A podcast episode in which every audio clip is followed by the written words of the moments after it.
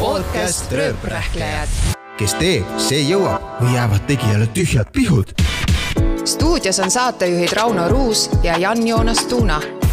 tere tulemast kuulama äh, Rööprähklejate podcasti, meil on nüüd tegemist juba teise episoodiga uuel hooajal ja tänane saade on väga eriline, sellepärast et me räägime valdkonnast, milles me Janiga ka ise tegutseme ja me räägime sellest inimesega, kes meid isiklikult ka sellel teel on aidanud ja õpetanud. nii et tõotab tulla üks vägev ja omapärane saade jah, et juba siis hoiatus ette, et täna tuleb juttu ajakirjandusest ja ajakirjanike töö telgitagustest ja me teeme seda episoodi täna ei kellegi muu kui kõikide BFM-i ajakirjandustudengite hirmu ja ERR-i ajakirjaniku Taavi Eilatiga, tere! tervist! kuidas tiitel tundub? No hirm ei ole võib-olla õige sõna, mida ma tahaks, et te kasutate, aga hea küll, see on teie vaba, vaba Milli, millise tiitli sa ise omistaksid endale siis? Nõudlik võiks olla see, mida see, see on ka õige. pruukida, et, et jaa aga nagu mainitud sai, et siis äh, oled ka meid juba õpetanud ühe kursuse käigus, aga praegu, mis tunne sul on seista siin äh, mikrofoni taga pigem äh, vastaja rollis, eriti olukorras, kus me oleme siis nii-öelda endised tudengid, endised õpetatavad, et kas viskad meile mingisuguseid vimkasid ka täna siia sisse intervjuule nagu või? enne saadet ütlesin siis, et kui äh, kui läheb ebameeldivaks, siis jalutan välja, on ju, et, et see on vana hea trikk, mida ju küsimustele vastates teha, et et kui ei meeldi, siis ütle, et see on alatu, et te küsite ja lahkuda. see ei ole aga..., see ei ole eetiline, et te mult küsite aga ei, te ma, ega ma üldiselt väga mugavalt ennast ei tunne intervjuusid andes, aga aga eks see sõltub natukene ka teemadest ja kindlasti on teemasid, mida ma liiga palju ligi ei lase ja küllap ma oskan nendest ka siis loodetavasti täna välja vigurdada, kui ma no vaatame, kus need punased jooned äh, asuvad, aga Just. sa oled teleajakirjanik ja peamiselt siis Pealtnägijast äh, tuntud, nüüd viimasel ajal oled olnud teleekraanilt eemal ja oled tagasi tulemas, et mis tunne siis on nüüd tagasi tööpõllule naasta? no mul on tegelikult hea meel selle üle, et ega äh, tihti televaatajad isegi ei ole vist aru saanud tegelikult, et ma eemal olin, nii et see näitab, et asendamatuid ei ole ja see on ju äh, väga hea, et äh, ka Pealtnägija toimetus selle aasta jooksul on saanud hakkama suurepäraselt, isegi sai siin mõningaid muid projekte tehtud möödunud aasta jooksul. Ja praegu tagasitulekul on, ütleme, et teotahe on suur, et, et on kogutud siin erinevaid mõtteid ja, ja küll siis nüüd neid saab hakata realiseerima ja ja lisaks siin esimesel septembril läheb eetrisse ka üks erisaade, milles kannab pealkirja Hapud kurgid, mis räägib siis uudisteemadest, mis lõppeval äh, suvel olid aktuaalsed, sest sellist klassikalist hapukurgi hooaega ei olnud ja, ja see projekt sai ka kui, kuidagi päris kiiresti ellu kutsutud, nii et äh, kuigi siin aast-, augustikuust on juba tööd tehtud, siis ütleme, kuu lõpp on olnud väga intensiivne ja, ja see on see tegelikult üks osa, mis mulle selles töös ju ka meeldib, et et igav küll ei hakka. kaua sa isapuhkusel olid siis, pool aastat umbes? aasta aega. aasta, aasta aega augustist augustisse, et et ma ise nagu ka selle otsuse langetasin, et ma, kui ma koju jään, siis on see samm peaks olema üks telehooaeg, et siis saab kõige paremini aimu sellest, kuidas see, see siis tegelikult see eemalolek on tõsi äh,, siin jällegi talve poole pakuti ühte projekti, mis kandis toona nime Haugimälu ja oli, oli siis saade sellest, mida poliitikud on varasematel kordadel kokku lubanud ja mida nad tegelikult on teinud ja ja noh, ma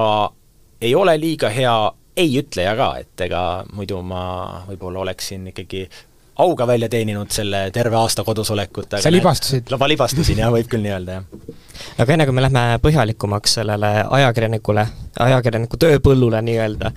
siis äh, liiguks ajas tagasi, kui sa alles alustasid karjääriga ajakirjanduses ja enne me küsime, et äh, kas vastab tõele, et õppisid enne hoopis matemaatikat? jaa, see vastab tõele jaa, ma olen äh, enne, kui ma ajakirjandust õppima läksin, mõelnud igasuguseid erinevaid mõtteid ja kui midagi välja ei mõelnud, siis tegin teistsuguseid valikuid ja proovisin erinevaid, erinevaid asju, aga, aga ühel hetkel ma tõesti õppisin matemaatikat Tallinna Ülikoolis ühe aasta siis kokku ma seal vastu pidasin ja, ja seal oli tegelikult, oli nagu see äh, suund oli see, et ma, mulle meeldib äh,, meeldivad küll arvud ja, ja kõik see maagia, aga suund oli tegelikult õpetaja ameti peale mõeldes, et, et kui ma midagi teha võiksin, siis võib-olla see võiks olla õpetaja amet. Ja, ja siis sinna ma läksin, aga ühel hetkel ma ikkagi sain aru, et võib-olla see teekond selleni ei ole päris see, mida ma nagu ette kujutan, et võib-olla mingil teisel viisil, mingites teiste ametite ja teiste järgnevustega jõuan ma kunagi ka sellesse samasse kohta tagasi ja nagu elu on näidanud, siis ma tõesti olen ka sinna jõudnud ja kuidas see klikk nagu käis, et ei, see ei ole see, kas see lihtsalt tuligi niimoodi lambist või oli mõni aine, mis lihtsalt noh, läks nagu nihust ja mis ma siis ikka enam äh, pingutan no,? ütleme, et mõlemal on õigus, et et oli ka hetki, kus ma sain aru, et lihtsalt äh, äh, noh, matemaatika ongi nii noh, selgete piiride ja raamidega eriala ja aine, kus ma sain, sain lõpuks siis aru, et, et noh, see mulle ikkagi tegelikult sellisel kujul ei sobi ja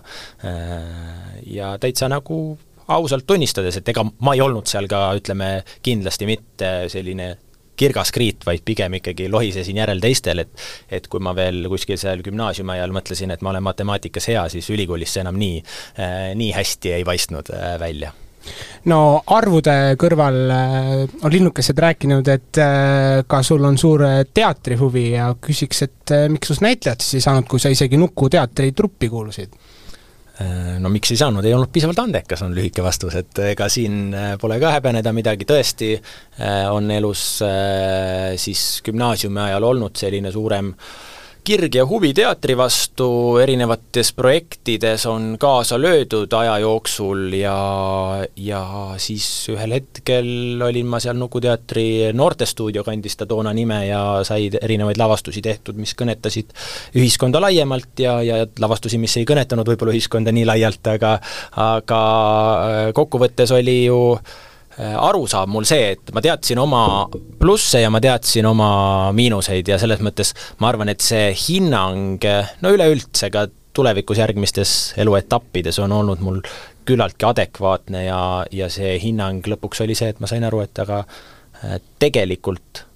ma ei ole piisavalt andekas, et olla näitleja. aga lavakasse proovisid saada? jaa, ikka ja mitmendasse vooru jõudsid? ei jõudnud kuskile. Kohe ukse peale öeldi, et Oi, tule. just, ei pandud nimekirjagi, saadeti kohe tagasi, et selles mõttes ei, nii, nii see oli jah, et äh, aga ja, ja muidugi, eks mingi, mingid nagu äh, äh, unistused tol hetkel ka purunesid, aga, aga noh, see on elu, et mis seal ikka. Peale keskkooli, me oleme eeltööd teinud, peale keskkooli läksid sa, ma saame aru, Austraaliasse ja töötasid McDonaldsis, said vist isegi kuu parimaks töötajaks, kui meil on äh, info, info. info on kõik tõene ja ei, ole üldse häbiväärne, et selles mõttes ma aga äh, me küsimegi, et mis tunne nagu oli siis see vana hea Maci nokkmüts peas, triikseks seljas kotlette praadida? just nimelt, et on oluline rõhutada, et ma olin McDonaldsis sisuliselt kokk et ma ikkagi töötasin äh, köögis ja tegin neid burgereid, mitte ma ei ei olnud koristaja äh, ei, ei olnud koristaja või ei olnud ka seal ees leti taga, on ju, teenindaja, vaid et ma olin just tegin süüa. Eh, noh, eh, või on see siis mingi muu ametinimetus, kuidas nad seda nimetavad, aga igatahes neid burgereid ma tegin, ma teadsin täpselt, et üks burgeri tegemise aeg on nelikümmend kaheksa sekundit ja mitte hetkegi rohkem, näiteks konkreetselt siis, eh, kui oli juttu vist nüüd ma praegu võin juba eksida tänaseks, sest sellest on möödas oma viisteist aastat või midagi sellist, aga oli mingi nelikümmend kaheksa sekundit ja Big Macil oli see umbes viiskümmend kaheksa ja noh, see oli väga täpne ja selge süsteem, kuidas see asi töötas, see oli väga, väga nagu huvitav kogemus ja ja kindlasti äh, ma nagu sealt jällegi õppisin väga palju, see, sellega oli naljakas lugu, et ma töötasin Tallinna vanalinnas ühes restoranis ja äh, olles seal mõned kuud olnud, siis valiti mind kuu parimaks töötajaks ja siis ühel hetkel äh, mu sõber ütles, et ära sinna McDonaldsisse liiga kauaks jää, et äh, muidu valitakse sind äkki jälle kuu parimaks töötajaks ja ju ma jäin liiga kauaks, et mind valiti siis ühel hetkel McDonaldsi kuu parimaks töötajaks siis konkreetselt seal Austraalias, äh, Darwini linnas Põhja-Austraalias aga mis plaan sul Austraalias seal oli, lihtsalt äh, vaadata, mis elu toob või oli seal mingi kindel siht? vaadata, mis elu toob, jah. just äh, vaadata ja mõelda, mis elu tulevikus võiks tuua, äh, võtta see vaheaasta ja, ja toona see ei olnud veel ka nii populaarne, kui, kui ta ilmselt tänaseks on ja minu jaoks oli ta väga positiivne kogemus mitmes mõttes, ühe, ühelt poolt ma sain aru sellest, et ma saan elus hakkama, et kui vaja, siis töötan farmis ja tõstan piltlikult öeldes juustu, juustu, aa, okei, okei. tõstan sõnnikut, kui vaja, ja kui vaja, teen burgerit ja kui vaja,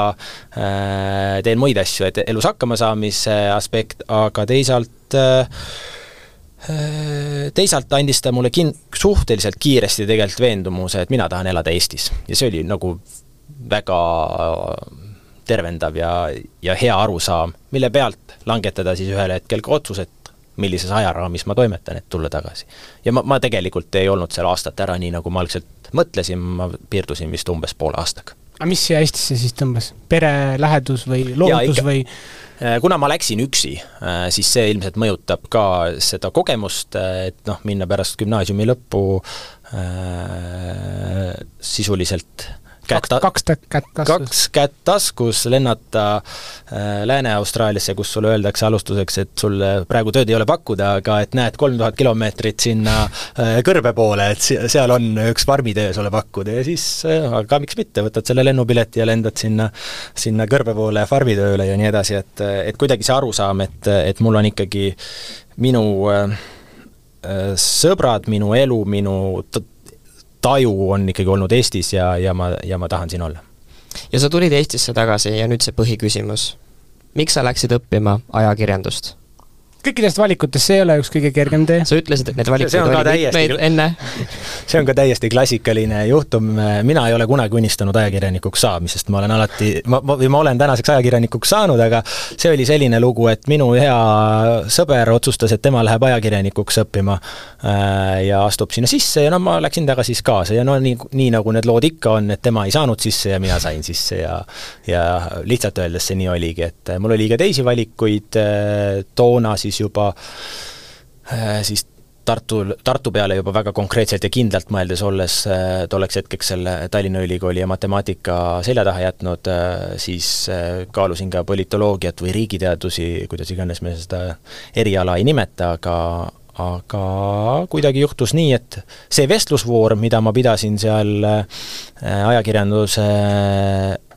sisseastumiskatsetel, oli minu jaoks nii meeldiv, et see veenis mu sisuliselt ümber aga millal see klikk siis käis seal koolis, et aa, tegelikult see ongi täpselt see, mis ma teha tahan? jõudis üldse see klikk käia või kõik ma läkski nii natuke Pole, pole olnud ei tea. Pole siiani veel olnud, ei, nali naljaks, aga ma arvan, et äh, no ühel hetkel, kui me hakkasime neid praktilisi töid tegema, et eks seal kursusel meil olid ka hästi erineva kogemusega inimesed, et et olid need, kes olid juba sisuliselt koolipoisist saati kirjutanud erinevaid lugusid kas või maakonnalehes äh, ja nii edasi, ja siis olin mina, kes ma reaalselt ei teadnud, mis tähendab uudis või kuidas seda kirjutatakse et.... oi, vot kuulsid seda lauset, Rauno? jaa, aga see, no selles mõttes äh, see, see tuligi nagu minu jaoks oli meeletu käsitööoskuse õppimine ja teisalt oli see meeletu selline ähm, selline kogemuse saamine läbi oma heade kursusekaaslaste, sest ega see, mida ma ülikooli ajast ikkagi meenutan, ei ole mitte sugugi see, kuidas ma ei tea, mõni üks või teine õppejõud mulle midagi õpetas, vaid ikkagi see aeg, mida me veetsime oma kursusekaaslastega koos ja ja kelle seas, ja ma ei saa jätta neid muidugi üles loetlemata ka, äh, on, äh, kes on mulle nagu väga palju andnud ja kes äh, noh, vaadates täna on tegelikult väga tublid ajakirjanikud ja väga head ajakirjanikud eesotsas noh, mu hea kolleegi Kristjan Pihliga, no ma ei tea, Joosep Värk, ERR-i Brüsseli korrespondent, USA korrespondent USA-s praegu Mariann Rohemäe, Madis Hindre, noh, Mihkel Tamm, Äripäeva ajakirjanikud Mari Mets, Kristel Härma, Keili Sügiäinen ja nii edasi Neid ja nii edasi ja aga kas äh, sai ka selliseid äh, kursusekaaslastega mingisuguseid istumisi tehtud vahepeal? tuldud kokku, tehtud mingeid mänguõhtuid? absoluutselt. kuidas need välja nägid? Äh, meil oli traditsioon teha viktoriine ja sõpradega ja kursusekaaslastega ja see oli tõesti selline, selline asi, mida me tegime igal esmaspäeval, see, see küll oli tõesti kuskil kuskil nagu selle õpingute käigus, ma arvan, teisel-kolmandal aastal tekkinud traditsioon, äh, me töötasime välja sellise meetodi, kuidas see viktoriini koostamine käiks nii, et keegi ei peaks seda ette, ette valmis koostama ja ja see nagu oli ka huvitav kogemus, kui ühel hetkel me avastasime, et see hoopis hoopis teised inimesed on selle meie meetodi kuskil mujal juba üle võtnud, et noh, me olime sellised, äh, võib-olla oli midagi sarnast keegi teine ka teinud, aga noh, see selleks. ja, ja üks oluline element selle juures oli see, et see toimus alati kellegi kodus, äh, selle ja seal äh, iga kord tuli kaasa võtta vähemalt üks uus külaline, mis tähendas, et sellist mugavustsooni ei tohtinud ka tekkida, et et alati on samad inimesed, vaid keegi pidi leidma ühe inimese, muidu viktoriin ei toimu. ja, ja see, see tõesti toimis. tõid enda juurde terve ülikooli siis või? no mitte mitte nii, aga selles mõttes inimesed ikkagi vahetusid, aga, aga jah, et selline selline elu oli ja, ja kusjuures paljud arvasid, et see on mingi ettekääne pidada maha mõni jooming, et ei, me seal esmaspäeva õhtuti ei joonud, ma ütlen teile kohe ära ja inimesed, kes esimest korda tulid, olid tihti nagu üllatunud sellest, et, et ja jätsid oma need pudelid siis sinna kotti ja ei võtnud neid välja, sest keegi ei võtnud. aga kõik olid valmis juba? aga mis see viktoriin, mis teemal need olid siis või? elust enesest? elust enesest jah, just aktuaalsetel teemadel äh, Äh, siis tollel hetkel no juba ülikooli ajal äh, sa said AK siis korrespondendiks, äh, Tartus oli vist kolmandal kursusel või kuskil seal? kolmandal kursusel ma käisin Tallinnas Aktuaalse Kaameras praktikal ja nii, nagu ma käisin ka Eesti Päevalehes toona praktikal, ja siis tegelikult tööle ma läksin siis, kui ma ülikooli olin lõpetanud bakalaureuseastmes siis kahe tuhande kolmeteistkümnendal aastal. aga seal ülikooli ajal sa ka ikkagi kirjutasid igasuguseid tudengiväljaannetes lugusid ja olid nagu ikkagi nagu käsi mullas äh, mm,? võib-olla, jah kas, kas sul oli ajanappus ka, äh, töö ja kool, või oli sul kool ülikooli ajal? ei, seal ei olnud ajanappust. ahah ma mõtlesin, ma mõtlesin, mõtlesin just, et siit tuleb mingi lugu, et nagu, aega üldse ei olnud. kogu elu oli nagu kogu aeg tasakaalus, et uni oli, unega oli hästi, kõik stressid olnud, kõik ma oli... magan üldiselt väga hästi, kui ma magan ja ma ei vaja väga palju und, nii et mul ei ole sellega probleemi. mis tähendab, ei vaja väga palju und? neli tundi no,? ma võin oma ööund kulutada ka töö tegemisele, see ei ole nagu minu jaoks väga suur probleem, et siis homme olla värske mis tundidest kui, räägime, ma tahaks ikkagi tundidest ja, rääkida. ei ole probleem olla jah, tõesti kolme-nelja tunni peal, aga ma eelistan muidugi, et ma saaksin seitse-kaheksa tundi, aga aga see ei ole nagu äh, küsimus minu jaoks, kui ma neid ei saa aga isegi, kui sa sinna AK-sse noh, korrespondendiks või siis sinna nagu tööle said pärast äh, just paberi kätte saanuna, kuidas siis äh, värskelt tulnuna juba saada nii suur vastutus, et mis nipid sa meile annad, et meie ka oleksime kohe nii tähtsa ameti peal? Ja ka kõik teised, kes ja. õpivad ajakirjandust. väga väga põhjus. kas sa kraapisid kellegi ukse taga, et mina olen siin? ei, ma käisin praktikal kellegi ukse taga või selles mõttes väljaannetes erinevates ja selle, see on see, mi-, kuidas tegelikult äh, ajakirjanduses nagu inimesi olulised inimesed sind teadma saavad hakata ja, ja meelde jääd. ja ühel hetkel Urmet Kook, olgu, olen talle selle eest siiralt tänulik, kes oli toona Aktuaalse Kaamera uudistejuht, et äh, kui ma küsisin talt, et kas tööd on pakkuda pärast ülikooli lõppu, siis ta ütles, et et aa, nojah, et ei ole vist, et no ma ei tea, ainult Tartu see korrespondendi koht ja ma olin nagu see on parim, mis saab olla, et Tartus mulle väga meeldis elada ja Tartu mulle väga meeldis ja ma äh, võtsin selle avasüli vastu ja see oli väga hea kogemus, sest olla tõesti sellise Eesti suuruselt teise linna Äh, uudiste korrespondent, toona olingi ma üksi, tänaseks on see roll vist jaotatud kahe inimese peale ära. Äh, aga jo-, jooksid sa nagu ringi siis, äh, öeldi, Tallinnast helistati, et me tahame õhtuks seda lugu ja siis päeva jooksul sa jooksid ametkondade vahelt või? No see oli mõlemat pidi, et minupoolne pakkumine neile ja nendepoolne soov, tellimus siis mulle, et eks siin oli erinevalt siis Tallinna toimetuse tellimus, aga noh, see võib-olla läheb juba liiga detailseks, aga jah, et selles mõttes sai väga palju Tartumaal ja Jõgevamaal, sest ka Jõgevamaa oli minu haldusala, äh, ringi käidud, tehtud väga erinevaid lugusid, alates äh, noh, mingitest klassikalistest niisugusest äh, haridusministeeriumiga seotud lugudest, rääkimata mingitest põllumajandusteemadest äh,, lautades sai käidud äh,, tol hetkel ei olnud ka vist Võrumaa korrespondenti või või Lõuna-Eesti korrespondenti, kui Eston Kohver näiteks piirilt ära viidi, siis ühel hetkel olin ma siis Pihkvas kohtumajas ja tegin lugusid sealt, kuidas Eston Kohveri kohtuistung käib, et et seda vastutust, mida toona mulle anti, noh, vaatan imetlusega, kuidas juhid toona seda julgesid teha ja olles tänulik ja olles nagu uhke tegelikult ka selle üle, et ma siis seda vastutust suutsin piisavalt kanda, et mitte seda palli maha kukutada katki no kui sa sinna kaamera ette juba jõudsid AK-s, kas sul oli ka mingisugune kaameranärv või, või on sul mikrofon, noh, sa sündinud mikrofon käes? ei, kindlasti ei ole sündinud mikrofon käes, kindlasti oli see algus hoopis teistsugune, nägi välja, ma teadsin, millised on mu puudused ja ma töötasin nendega ja Mis töötan tänaseni. Äh, no puht mingid äh, närviasjad olid seal näiteks, et mingis nä-, näo mingi tõmblus või hääle mingi moondus ja mingid sellised nagu äh, asjad, mis on tegelikult kogemuse ja tööga lihtsalt välja lihvitav, et et ähm, ma nagu olen seda, ja noh, ka näiteks, ma ei tea, kätega rääkimine, et alguses ma nagu ikka vehkisin nagu nii, et ei mahtunud kaadrisse ära need käed, et ma tänaseks juba ikka tean, mis enam-vähem kätega te-, teha tuleks, et nad enam-vähem jääksid soliidselt äh, kaadrisse, jah me jõuame Pealtnägija juurde, äh, kuhu te siis äh, kursavenna Kristjan Pihliga läksite vist aastal kaks tuhat kuusteist, kui ma jällegi ei eksi. kui pikalt vaadati viltu, et näe, Pealtnägijasse tulid mingisugust äh, kaks noort kutti suurtegijate kõrvale? jaa, mina hakkasin tegema lugusid aastal kaks tuhat viisteist Pealtnägijasse, kus äh, äh, noh, nii tellimuse korras mind saadeti vist kuskile lähetusse Sloveeniasse, neid põgenikekriisi siis kajastama ja, ja sealt järjest tuli neid lugusid tõesti ja kui, kui eesotsas Roald Johansoniga ja seejärel äh, Rasmus Kage sealt ära läksid, siis äh, mind sinna kutsuti, äh, me ei läinud Kristjaniga justkui tandemina, aga kuidagi elu läks nii, et tema tuli oma pagasi pealt, mis oli siis siin Ekspressi majas, kogemuse saamine siin vahepeal ja ja me sinna jõudsime, muidugi oli äh, inimestel võrdlusmoment varasematega ja muidugi öeldi, et need noored ja, ja kopeerivad, ma ei tea, Rasmus Kage või Mihkel Kärmast või keda tahes, et aga ma jällegi ei võta ei seda nagu hinge. väga traagiliselt, et et seal on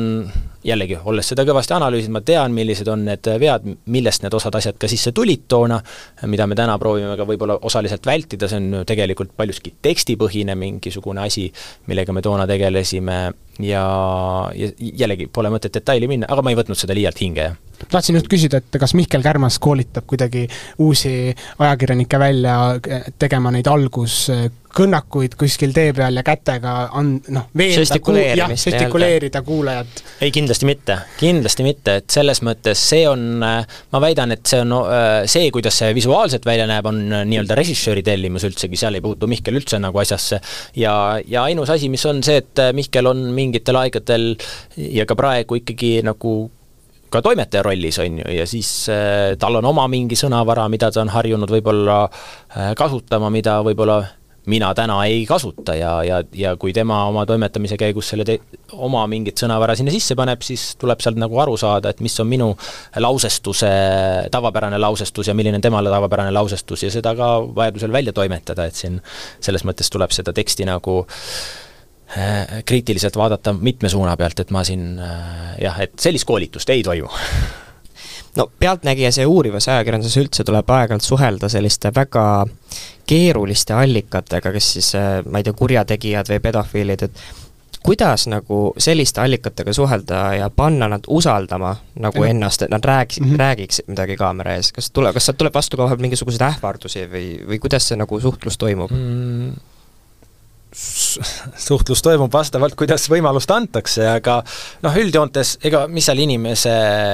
suhtluses ikka on, et kuulata tuleb, et mida inimene tahab sulle tegelikult öelda, kui ta üldse midagi tahab öelda ja ja proovida talle siis selgeks teha, et äh, miks talle oleks siiski kasulik nendel teemadel minuga vestelda äh, ja, ja ega seal muud kunsti nagu selles mõttes ei ole, jah, muidugi alustuseks tuleb inimene kätte saada ja ta üldse nagu sinna toru otsa saada, aga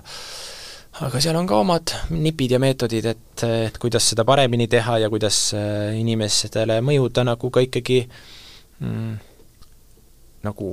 noh, sõbrana on vale öelda, aga noh, heatahtlikult, et selles mõttes ei, ei tohi ka kindlasti minna inimestele, allikatele peale ju selle äh,, sellega, et arvata, et inimesed on kuidagi pahatahtlikult, ei, pigem tuleb uskuda, et inimesed on oma loomust tahtnud ikkagi head, aga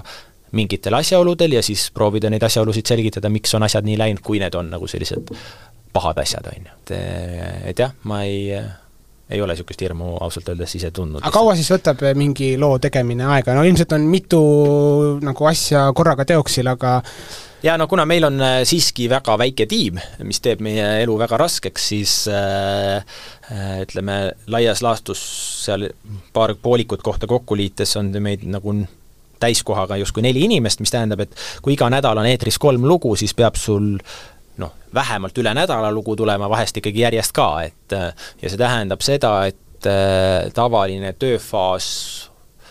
on selline, et üks lugu on sul selline, mis täna saab eetrisse minna, üks lugu on selline, mis on salvestatud ja saab järgmine nädal montaaži minna ja üks lugu on selline, mida sa seal paberi peal vähemalt juba oled joonistanud, et võib-olla salvestama hakkad nüüd praegu. aga ütleme, kuu aega on selline võib-olla kõige lihtsam kokkuvõte, et kui kaua ühe loo tegemisega läheb. muidugi on erakordseid hetki, erakordseid situatsioone, kus tuleb reageerida palju kiiremini, eh, kus on noh, ma ei tea, olgu need päevakajalised asjad, aktuaalsed asjad, mis eh, tol hetkel äh, uudismeedias on üleval ja millega me otsustame, et me tuleme ka kaasa ja, ja mingil kujul saame käsitleda, et kui nii jookseb, siis me saame oma kombinatsioone seal ümber mängida Pealtnägijas, et millised lood me saame kõrvale lükata, sest on ajatuid lugusid äh, ja on neid, mis vajavad kiiremini eetrisse, et see on selline pusle kokkupanek, äh, kus saab tükke ka vajadusel ümber tõsta. aga kas töö tuleb koju kaasa või millised need, kui pikad need tööpäevad on või see ilmselt ei ole esmaspäevast reedeni seitsmes või kaheksast viieni? Äh, no tavapärane on see, et me töötame kuuel päeval nädalas, ehk pühapäev on meil selline loo tegemise päev, loo kirjutamise päev, aga mis see tähendab, kirjutamine? me töötame, kuigi see on telesaade, siis tegelikult selleks, et olla faktitäpne, olla võimalikult äh, sõnaselge ja et äh, ja ka head kõnekeelt, head keelt pakkuda, siis me äh, töötame tegelikult paberil, et et enne veel, kui me jõuame üldsegi selle, selleni, et midagi montaaži viia ja hakata lugu siis kokku monteerima, seda, mida kõik televaatajad lõpuks saavad telereos vaadata, äh, me ikkagi kirjutame sõna-sõnalt kõik asja, kõik intervjuud lahti, kõik äh, kõik saate tekstid äh, läbi ja korduvalt läbi toimetame ümber ja nii edasi, et et see, see kõik võtab, võtab palju aega,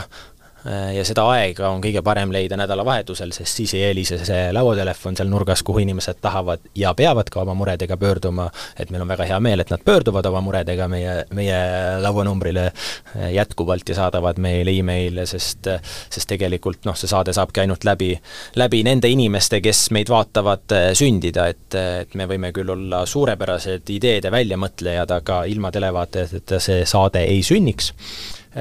tulles tagasi küsimuse juurde, siis äh, tööd koju kaasa, jah, vahest ikka tuleb teha õhtu, õhtutundidel seal miskit äh, nipet-näpet, veel viimaseid asju, kui ma räägin konkreetselt Pealtnägijast, aga ütleme, et ajas ja kogemuses on ka see vilumus tekkinud üha parema või läinud üha paremaks, et et saab need asjad ikkagi töö ajal rohkem aetud kui, kui varem võib-olla. Äh, ja teisipidi mina näiteks olen kuidagi valinud selle tee, et et tööd nii-öelda muus mõttes koju kaasa ma ei võta, et ma tõesti abikaasale te-, neid teemasid, mida ma parasjagu näiteks äh, hakkan kajastama, ei, äh, ei jaga või et ma ei räägi nendest teemadest kodus. Ja see on puhtalt ka selleks, et lihtsalt äh, kodus võiks olla muud teemad, kui, kui mul töö juures on, et sa oled teinud ka telefoniintervjuu suurärimehe Margus Linnamäega. ta on isegi teleintervjuu teinud ühe korra. see on tele teleintervjuu. lausa kahel korral kuidas saada sellise inimesega intervjuud teha, ta põhimõtteliselt ei annagi neid? kas see ongi vist üks, üks no, ainus või vähestest, mis ta on andnud? see tõesti oli kahel korral, kui ta mulle äh, intervjuu andis, see oli toona, ma töötasin Aktuaalses Kaameras, ta oli värskelt saanud äh, siis äh, toona Postimees Grupi äh, omanikuks ja, ja kõik seda intervjuud soovisid. Ja noh, seal ma arvan, et seal ei ole midagi väga minu meisterlikku läbirääkimisoskuseid, ma seletasin talle ära, miks on see talle kasulik, see intervjuu anda ühe korra vähemalt ja, ja kuna teda oli juba tolleks hetkeks, kui mina talle lähenesin, ilmselt nii palju tülitatud igalt poolt mujalt, siis ta oli nii-öelda küps selleks, et et kellelegi öelda jaa ja, ja mingitel põhjustel ta siis otsustas, et see olen mina. Ja hiljem, hiljem tõesti sai seda, ühe korra seda intervjuud temaga veel tehtud. Ja on võib-olla natuke kahju, et nüüd paar aastat tagasi, kui me Pealtnägijasse tegime ka lugu temast ja lõpuks me tegime selle loo siiski, hoolimata sellest, et ta, ta loobus selle intervjuu andmisest, et siis siis jah, et natuke kahju on sellest, et ta on otsustanud mitte rääkida asjadest, mis nagu tegelikult kuuluvad avalikku sfääri, me, see ei tähenda, et me hakkaksime tema isiklikku elu liialt detailselt, on ju, lahkama, et see ei ole, see ei ole oluline, arusaadavalt on temal ka isiklik sfäär ja isiklik äh, privaatne tsoon, et äh, aga, aga jah, et äh, et nii suure mõjuga inimene Eestis äh, see, kui ta ei räägi, lihtsalt tekitab teatavaid kahtlusi inimestes ka. et neid kahtlusi saab maha võtta väga kergesti tegelikult ja, ja noh, seal on ka erinevatele inimestele aja jooksul ta-, tahtlikult või tahtmata nõu olles andnud, siis siis ma olen ikkagi ka soovitanud, et kui te teetegi enda elu nii keeruliseks, et te annate ainult, ma ei tea, kolme aasta tagant ühe intervjuu, siis see ongi väga närvesööv ja raske, et kui te annate nagu pidevalt väikseid äh, sutsakaid siia ja sinna, siis see on nagu palju lihtsam tegelikult äh, sellega ka harjuda. no üks intervjuu, mis sa oled ka persooni intervjuu teinud, on Helle Merist äh,. sellele vist eelnes poolteist aastat veenmist või äh, see see oli tõesti nii jah, et, et me tahtsime seda hoopis ütleme, aasta varem kuskile sinna planeerida oma saatesse vabariigi aastapäeva peale, aga aga, aga tegelikult tuli siis aastakene veel hiljem, aga jällegi, inimestega tuleb rääkida, nendega kokku saada, nendega vestelda ja ja mõista ka nende soovi, kui nad tol hetkel ei ole selleks veel valmis, et ega noh, me ei trügi uksest sisse, et me et kui uks on praokil, siis ma ei, ei, ei tule sealt kaameraga läbi, ma ei tea, Hellemeri koju või Margus Linnamäe koju, et see ei käi päris nii, et et eh, tuleb anda neile aega, eh, valmisolekut, et et noh, ma ei tea, näiteks noh, tänase, tänaste aktuaalsete teemade valguseski, et no ma usun, et ühel hetkel noh, täna Ar-, Arvo Hallik, kes on Kaja Kallase abikaasa, ei anna intervjuusid, aga ühel hetkel ma arvan, et ta on, on selleks nagu lihtsalt küps, et ta on valmis seda kuskil andma, et, et see, see lihtsalt äh, võtab aega. see võtab aega, sest arusaam sellest, et äh, et ühe sellise põhjaliku intervjuu andmine, mis aitab maha võtta palju neid pingeid, mis ühiskonnas avalikult on, äh, tuleb iseendale kasuks, iseenda meelerahu jaoks kasuks ja ühiskonnale ka laiemalt, et noh, see nüüd läks natuke kaugele Hellemeri vastusest, aga, aga jah, et et Hellemeril ei olnud mingeid pingeid tol hetkel üleval, ta lihtsalt äh, privaatse inimesena soovis äh, rahus äh, rahu. Ja ta sai seda rahu poolteist aastat, kuniks ta siis oli valmis, et ta annab selle intervjuu liigume nüüd ajas tagasi ja vahetame üldse teemat ajakirjandusest natuke kaugele, me kuulame ühte juppi siia vahele aastast kaks tuhat kaksteist, kui äh, ühe ülikooli ürituse raames sa rääkisid oma unistuse päeva, unistuste päevast. kui sa saaks ühe päeva olla keegi teine, teha, mida hing ihaldab, siis kirjelda meile oma täiuslikku päeva. ma elaksin saarel ma ärkaksin hommikul oma talumajas, paneksin põlema tule, sest on pime, on talv ja seejärel ma teeksin süüa, silitaksin koera, kassi, läheksin metsa jalutama. tuleksin tagasi, ma ei tea, mis kell, sest vahet ei ole, mis kell on. ja kui ma tulen koju, on toit juba valmis. me sööme ja võib-olla ma loeks raamatut ka ja läheks siis aegamööda jälle magama. see kõik toimuks nii-öelda ajatustsoonis. mis selles nüüd kõige-kõige erilisemat oli? arvestades seda, mis eh, tempos elame me pra-, elan mina praegu, ma ei saa rääkida mitmuses, siis eh, see on see hetk, kus sa saad nii-öelda kokku jälle iseendaga ja see on hästi eriline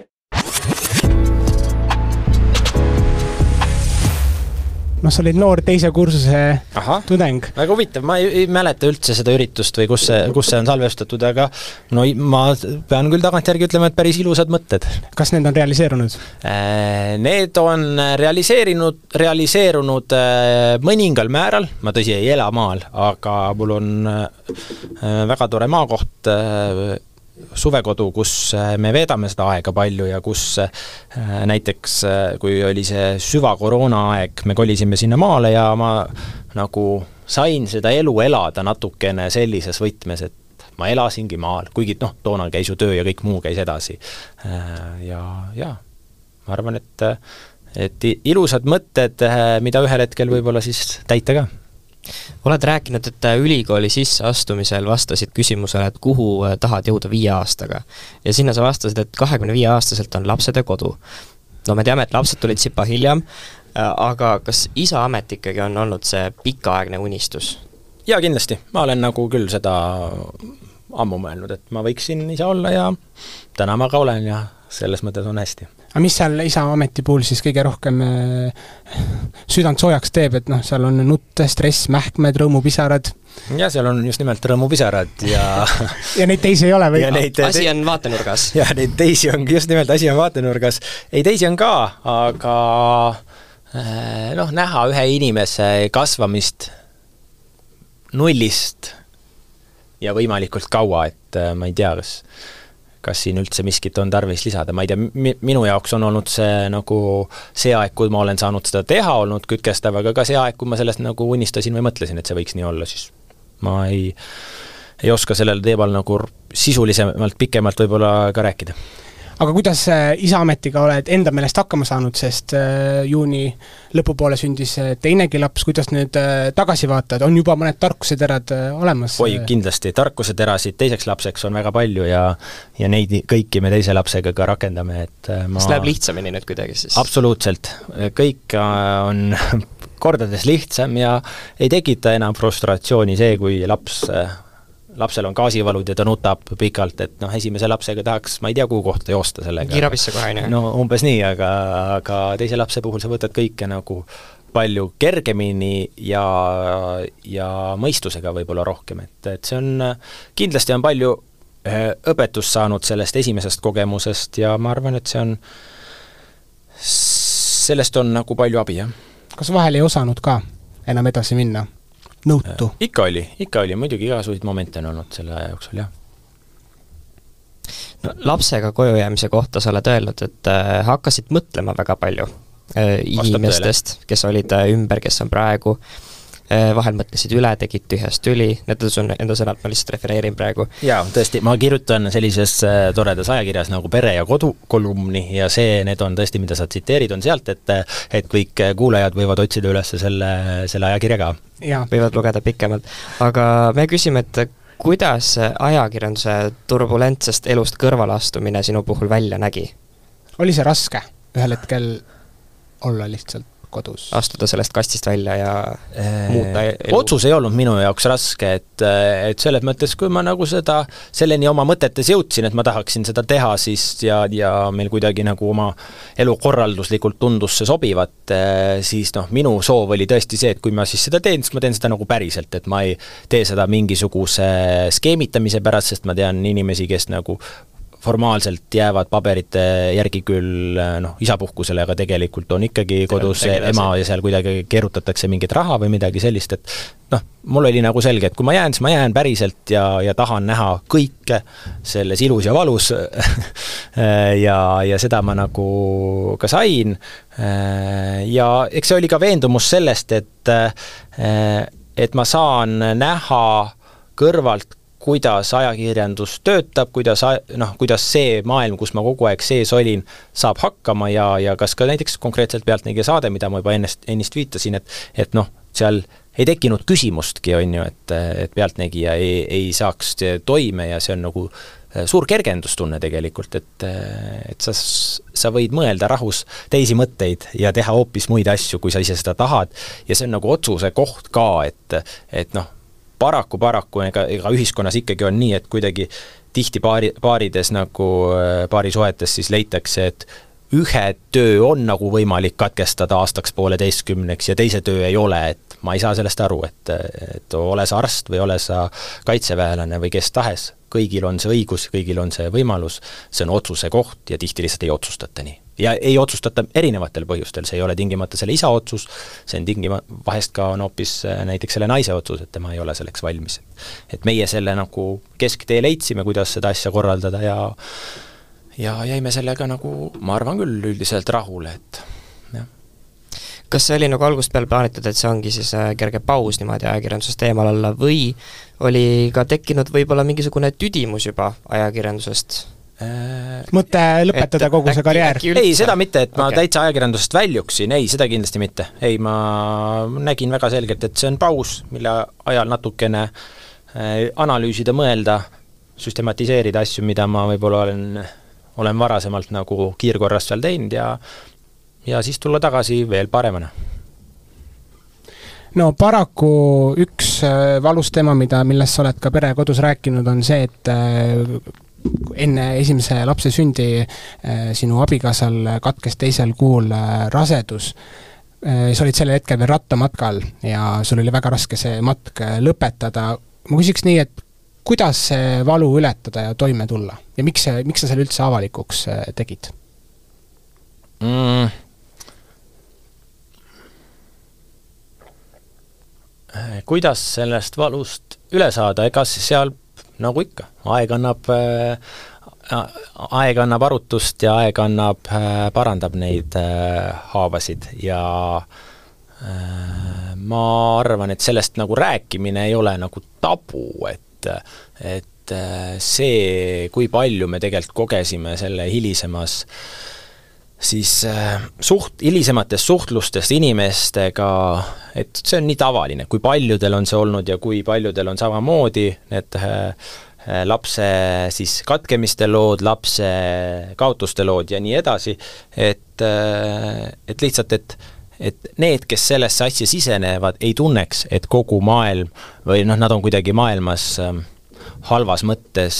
ainulaadsed ja imelikud, et ei, see on täitsa normaalne elu osa ja ja pärast äh, tuleb jälle päike pilve tagant välja ja elu, elu läheb jälle edasi, et ega ma jah, selles mõttes äh, detaili väga minemata, siis äh, nii äh,, nii ma nagu tajusin, et see ei ole asi, millest me ei peaks rääkima. kindlasti ütleme äh, Äh, algus kohe me ei olnud sellest äh, valmis ka rääkima, kas või oma lähedastele sõp-, sõpradele ja nii edasi sul oli ka üks tööalane kokkupuude sama teemaga, kui sa intervjueerisid siis äh, korruptsioonikahtlusega Mailis Repsi, kes sinu intervjuus tunnistas sama kogemust, kuidas sa sellel hetkel emotsionaalselt ei purunenud ja olid ikkagi ajakirjanik edasi? ma ei võta selliseid asju nagu ise tööle lihtsalt kaasa sellisel kujul, et äh, jah, et ma hakkaksin seal nüüd lahistades nutma, no seda ei, ei juhtu. Et äh, jaa, ma oli see kuidagi teistmoodi intervjuu äh...? sellepärast, ei, ma väidan, et ei olnud, et see oli asi, mille ta ütle-, ma sain aru, et ta tahtis selle ära öelda ja ta ütles selle ära ja me hetkeks, nii palju kui ma pidasin äh, oluliseks sellel peatuda, me ka peatusime, aga see ei muutnud seda intervjuud, ma julgen väita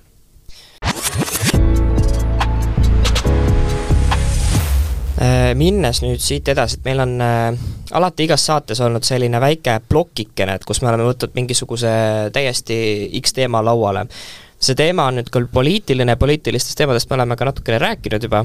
ja sinu bakalaureuse ja magistritöö on samuti seotud äh, poliitiliste skandaalidega, no praegu meil on üks laual siin praegu. Äh, Kaja Kallase skandaal. laual on mingi paber ja äh, kõrvaklapid, siin pole ühtegi skandaali laual. see väljend laual, midagi on laual, on selline poliitikute väljend, mida võib vältida. ja siis on mõned asjad sahtlis. mida võib vältida on üles kerkinud teema Kaja Kallase ja tema abikaasa, täpsemalt tema abikaasa siis äh, äride kohta. kuidas sina kui nüüd professionaalne äh, ajakirjanik ja teadustöö tegija ütled skandaalianalüütik võiks lausa öelda. Miks Kaja Kallas käitus nii, nagu ta käitus? Jaa, ma olen, ma räägin selle taustaloo siis ära lihtsalt, et tõesti oma nii bakalaureusetöös kui magistritöös ma keskendusin äh, siis poliitilistele skandaalidele ja nende analüüsimisele, see oli kaks tuhat kaksteist, kui äh, kui oli see Silvergate'i juhtum, aga hiljem ka Siim Kallase siis lahkumine võimalikuks peaministriks tulekust, Jürgen Ligi äh, siis äh, Äh, üks äh, poliitiline skandaal ja, ja Jevgeni Ossinovski sealsamas skandaalis otsapidi sees, et et äh, need skandaalid on tihti tegelikult sellised, mis korduvad väga täpselt, et sa võid nagu kõiki neid väga lihtsasti mudeldada, panna skeemi sisse ja sa näed, mis järgmiseks juhtub. Ja Kaja Kallase skandaaliga on olnud laias laastus algusest peale samamoodi, et et et äh, oli selline ühiskonnas tajutav normist üleastumine, milleks oli siis see, et tema abikaasa tegeles jätkuvalt Venemaal justkui äriga, mida äh, poolteist aastat oli räägitud, et ei tohi teha, sest äh, Venemaa peab sõda Ukrainaga ja mida oli rääkinud tema abikaasa. aga mida sina oleksid ja... Kajale soovitanud, ütleme, et see nüüd enne, kui see nüüd avalikuks tuleb, kuidas peab käituma sellises olukorras? No ta oleks pid-, eh, jah, ma ei, ma ei äh, jaa, ma, ma ei lähe sinna, et ma hakkan poliitikule andma praegu siin eetris nõu, et äh, seda ja hinnanguid ka ma ei anna, kuidas äh,, kuidas äh, ta tegi midagi valesti või kas ta peaks tagasi astuma, et see ei ole minu asi öelda, mina analüüsin seda, kuidas käitub äh, avalikul väljal poliitikud, äh, opositsioon, koalitsioon, ajakirjandus, arvamusliidrid ja nii edasi, ja Kaja Kallase võib-olla suurim viga või suurem viga isegi sellest, kui äh, see, mida tema abikaasa siis tegelikult tegi, oli see, kuidas ta sellele skandaalile, puhkenud skandaalile reageeris ja nii ei oleks ta tohtinud reageerida juba puhtalt Siim Kallase kogemuse pealt, et jalutada kaamera eest äh, minema ERR-i äh, Madis Indrele antud intervjuus. Ja see põhjustas omakorda palju suurema lumepalli, mis äh, on tänase päevani üleval, kindlasti oleks ta pidanud vabandama ja seletama neid asjaolusid, mida ta toona väidetavalt ei teadnud, ta oleks pidanud need asjaolud kindlasti ka varem selgeks siis saama. Äh, kui ta, kui temal oli juba info siis laekunud, et sellise teemaga ajakirjandus tegeleb, ERR-i uudistest see siis alguse sai ja, ja selliseid nii-öelda teise astme üleastumisi sellisest normist, nii nagu see intervjuu, kus ta nagu lihtsalt tajutavalt ühiskonna jaoks ja andmata hinnangut, kas ta tegelikult millegi vastu eksis, aga tajutavalt ühiskonna jaoks justkui midagi tegi valesti, noh, on ta teinud oma järgmiste sammudega samamoodi, see erikomisjonidesse mitteminek ja see on nagu selline lumepall efekt. lumepall või, või üks pesutrummel, kus kogu aeg käib asi ringi ratast ja ringi ratast, et et enne sealt välja ei saa ja ja et ega see on, see ongi keeruline ja see on inimlikult, on äärmiselt raske, et nagu kuidas sellega siis nagu toime tulla, kui sa tõepoolest nagu noh, uskudes inimest taaskord, et ta ei tea neid asjaolusid ja noh, mis on siis minu süü, aga see süü on see hetkel, et sa ei, et sa ei vii ennast ka piisavalt kiiresti siis asjadega kurssi, ei, ei proovi neid piisavalt hästi seletada. tõsi, täna, kui me seda juttu teeme, on ta kindlasti ja, ja palju paremini juba neid asju äh, avalikkuses seletanud, ühiskonnale proovinud valgustada nii palju, kui ta oskab, aga see kuidagi nagu äh, rullub edasi ja rullub edasi selle fooni pärast, mida ta oma esimeste reaktsioonidega suuresti ka ise tekitas ja ja kuidas see, kui, kui proovida seda skandaali siis mudeldada, siis paraku neid mudeleid Äh, väga palju ei ole, kus oleks äh, lõppenud kuidagi muul viisil, kui et äh, lõpmatu kannatamine ja lõpuks siis ikkagi mingisugune otsus, otsus, jah. liigume saate lõppu ja liigume positiivsetele teemadele, liigume tulevikku. mis on su unistused tööalaselt, tahaksid sa kunagi oma autorisaadet ETV-s prime time'il, nagu näiteks Urmas Vainol oli? Mis sa tahaksid saavutada veel? Ja ma saan ma ei ole tegelikult loomult niisugune unistaja tüüp, et ma olen oma elus äh, olnud tegutseja ja see, ja ma olen äh, lihtsalt teinud asju nii, nagu ma sattusin juhuslikult sinna ajakirjandusse, suhteliselt juhuslikult sinna uudistetoimetuse, suhteliselt juhuslikult äh, Pealtnägijasse, nii ma olen ka nagu äh, seda elu seadnud, et mitte liiga äh, suurte ampsudega ette, et ma tõesti ei mõtle äh, täna nii, et ma tahaksin äh, aja pärast X teha seda ja seda. Äh, kui elu mulle seda pakub, küllap ma siis seda võib-olla ka teen, et et äh, kui ma enne ütlesin, et ma olen suur jah-ütleja, siis tõsi, nüüd olen aja jooksul õppinud ka asjadele ei ütlema ja sa ei ütleks ju autorisaatesele ei? õhtu elatiga näiteks pealkiri Äh, jätan sellele küsimusele vastamata, aga äh, jah, et ma ei äh,, ma ei ole nagu seda äh, elu seadnud läbi selliste unistuste, mida ma hirmsasti hakkan püüdma, et äh, ma olen suhteliselt pragmaatiline inimene, ma tean oma tugevusi ja ma tean oma nõrkusi ja ja nendest lähtuvalt ma tegutsen, niikaua kui nii on lõbus, tore ja seda praegu tõesti Pealtnägijas töötades on, kavatsen ma sellega edasi minna ja kui ühel hetkel enam ei ole, siis ma ei äh, kõhkle ka selle ees, et ma võin siis teha midagi muud, olgu see ajakirjanduses või mitte no aga praegu äh, lisaks tööle saab keskenduda ka rohkem äh, perele, et saab võtta, kui lapsed on võib-olla suuremad või kui lapsi tuleb veel, äh, siis võtta ette mingisugused perereisid või kas on juba mingid sellised mõtted ka tekkinud? mõtteid on igasuguseid, mõtteid on igasuguseid, need avaldamisele ei kuulu. ah, nii, selge aga mis mis unistus oma perega on, kuidas sa oma vanaduspõlve veedad? olla õnnelik. istuda kiiktoolis ja lapsed tulevad külla noh, siis võib-olla see on sinu unistus olgu, aga see episood on lõppu jõudnud. just aitäh sulle, et sa mul jäi nii palju rääkimata. jäi meil meil jäi palju küsimata aitäh, et sa tulid, palju jõudu, jaksu ja kõikidel rinnetel. jah, kõikidel rinnetel. aitüma, edu teile ka! Meie podcast on kuulatav Delfi taskus, Spotify's ja Apple podcastis, kindlasti vaadake ka Rööprähklikate TikTok'i, sellepärast et sealt leiate eriti ägedad videod. podcast Rööprähklejad. rööprähklejad